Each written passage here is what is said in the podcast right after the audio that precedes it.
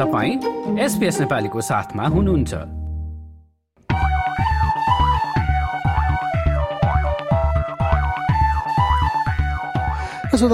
अस्ट्रेलियाले services अस्ट्रेलियासँग मिलेर शुक्रबार पन्ध्र डिसेम्बरमा बिहान एघार बजेदेखि दिउँसो एक बजेसम्म family tax benefit parenting payment र चाइल्ड केयर सब्सिडी लगायतका विषयमा जानकारी दिने उद्देश्यले अनलाइन कार्यशालाको आयोजना गर्दैछ। टिम्सबाट हुने कार्यक्रममा सहभागिता जनाउनका लागि एनआरएनए अस्ट्रेलियालाई यहाँले सम्पर्क गर्न सक्नुहुनेछ। यसै गरी ताजमेनियामातिर आफ्नो दक्षता अनुसारको काम पाउनका लागि करियर कोचिङ कार्यक्रम हुँदैछ। नेपाली सोसाइटी अफ ताजमेनियाले चौबिस जनवरीमा गर्ने कार्यक्रमका बारेमा थप जान्नका लागि सम्बन्धित संस्थाको वेबसाइटमा यहाँहरू जान सक्नुहुनेछ।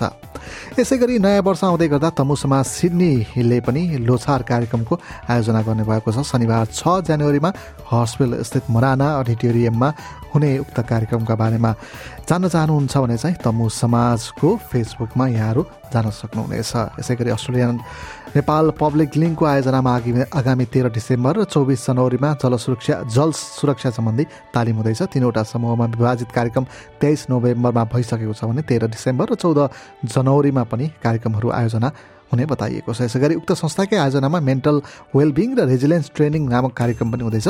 स्वास्थ्य व्यवहारद्वारा मानसिक स्वास्थ्य सुधार कसरी गर्ने भन्ने बारेमा उक्त तालिममा सिकाइने बताइएको छ र सत्र फेब्रुअरी सन् दुई हजार चौबिसमा उक्त कार्यक्रम आयोजना हुने आयोजकले जानकारी दिएको छ। यसै गरी सिडनीमा चाहिँ गुठी अस्ट्रेलियाले आगामी फेब्रुअरी चारका दिन सामूहिक यही कार्यक्रमको आयोजना गर्ने भएको छ।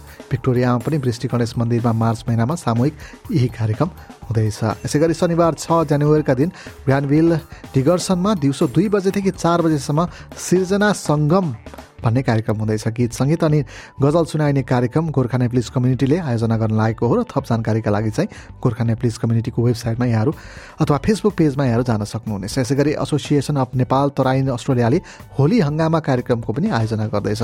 तेइस मार्च सन् दुई हजार चौबिसमा हुने कार्यक्रमबारे थप जान्नका लागि चाहिँ एन्टाको फेसबुक पेजमा पनि यहाँहरू जान सक्नुहुने थिए। जान सक्नुहुनेछ र यी थिए सामुदायिक गतिविधि र तपाईँले पनि केही कार्यक्रम आयोजना गर्दै हुनुहुन्छ भने कृपया हामीलाई जानकारी दिनुहोला। यसै गरी हामी रेडियो मार्फत श्रोताहरूलाई जानकारी गराउनेछौँ। हामीलाई सम्पर्क गर्न हाम्रो इमेल ठेगाना Nepali dot program at the rate SBS dot com dot A वा फेसबुक वा ट्विटर मार्फत पनि हामीलाई सम्पर्क गर्न सक्नुहुनेछ।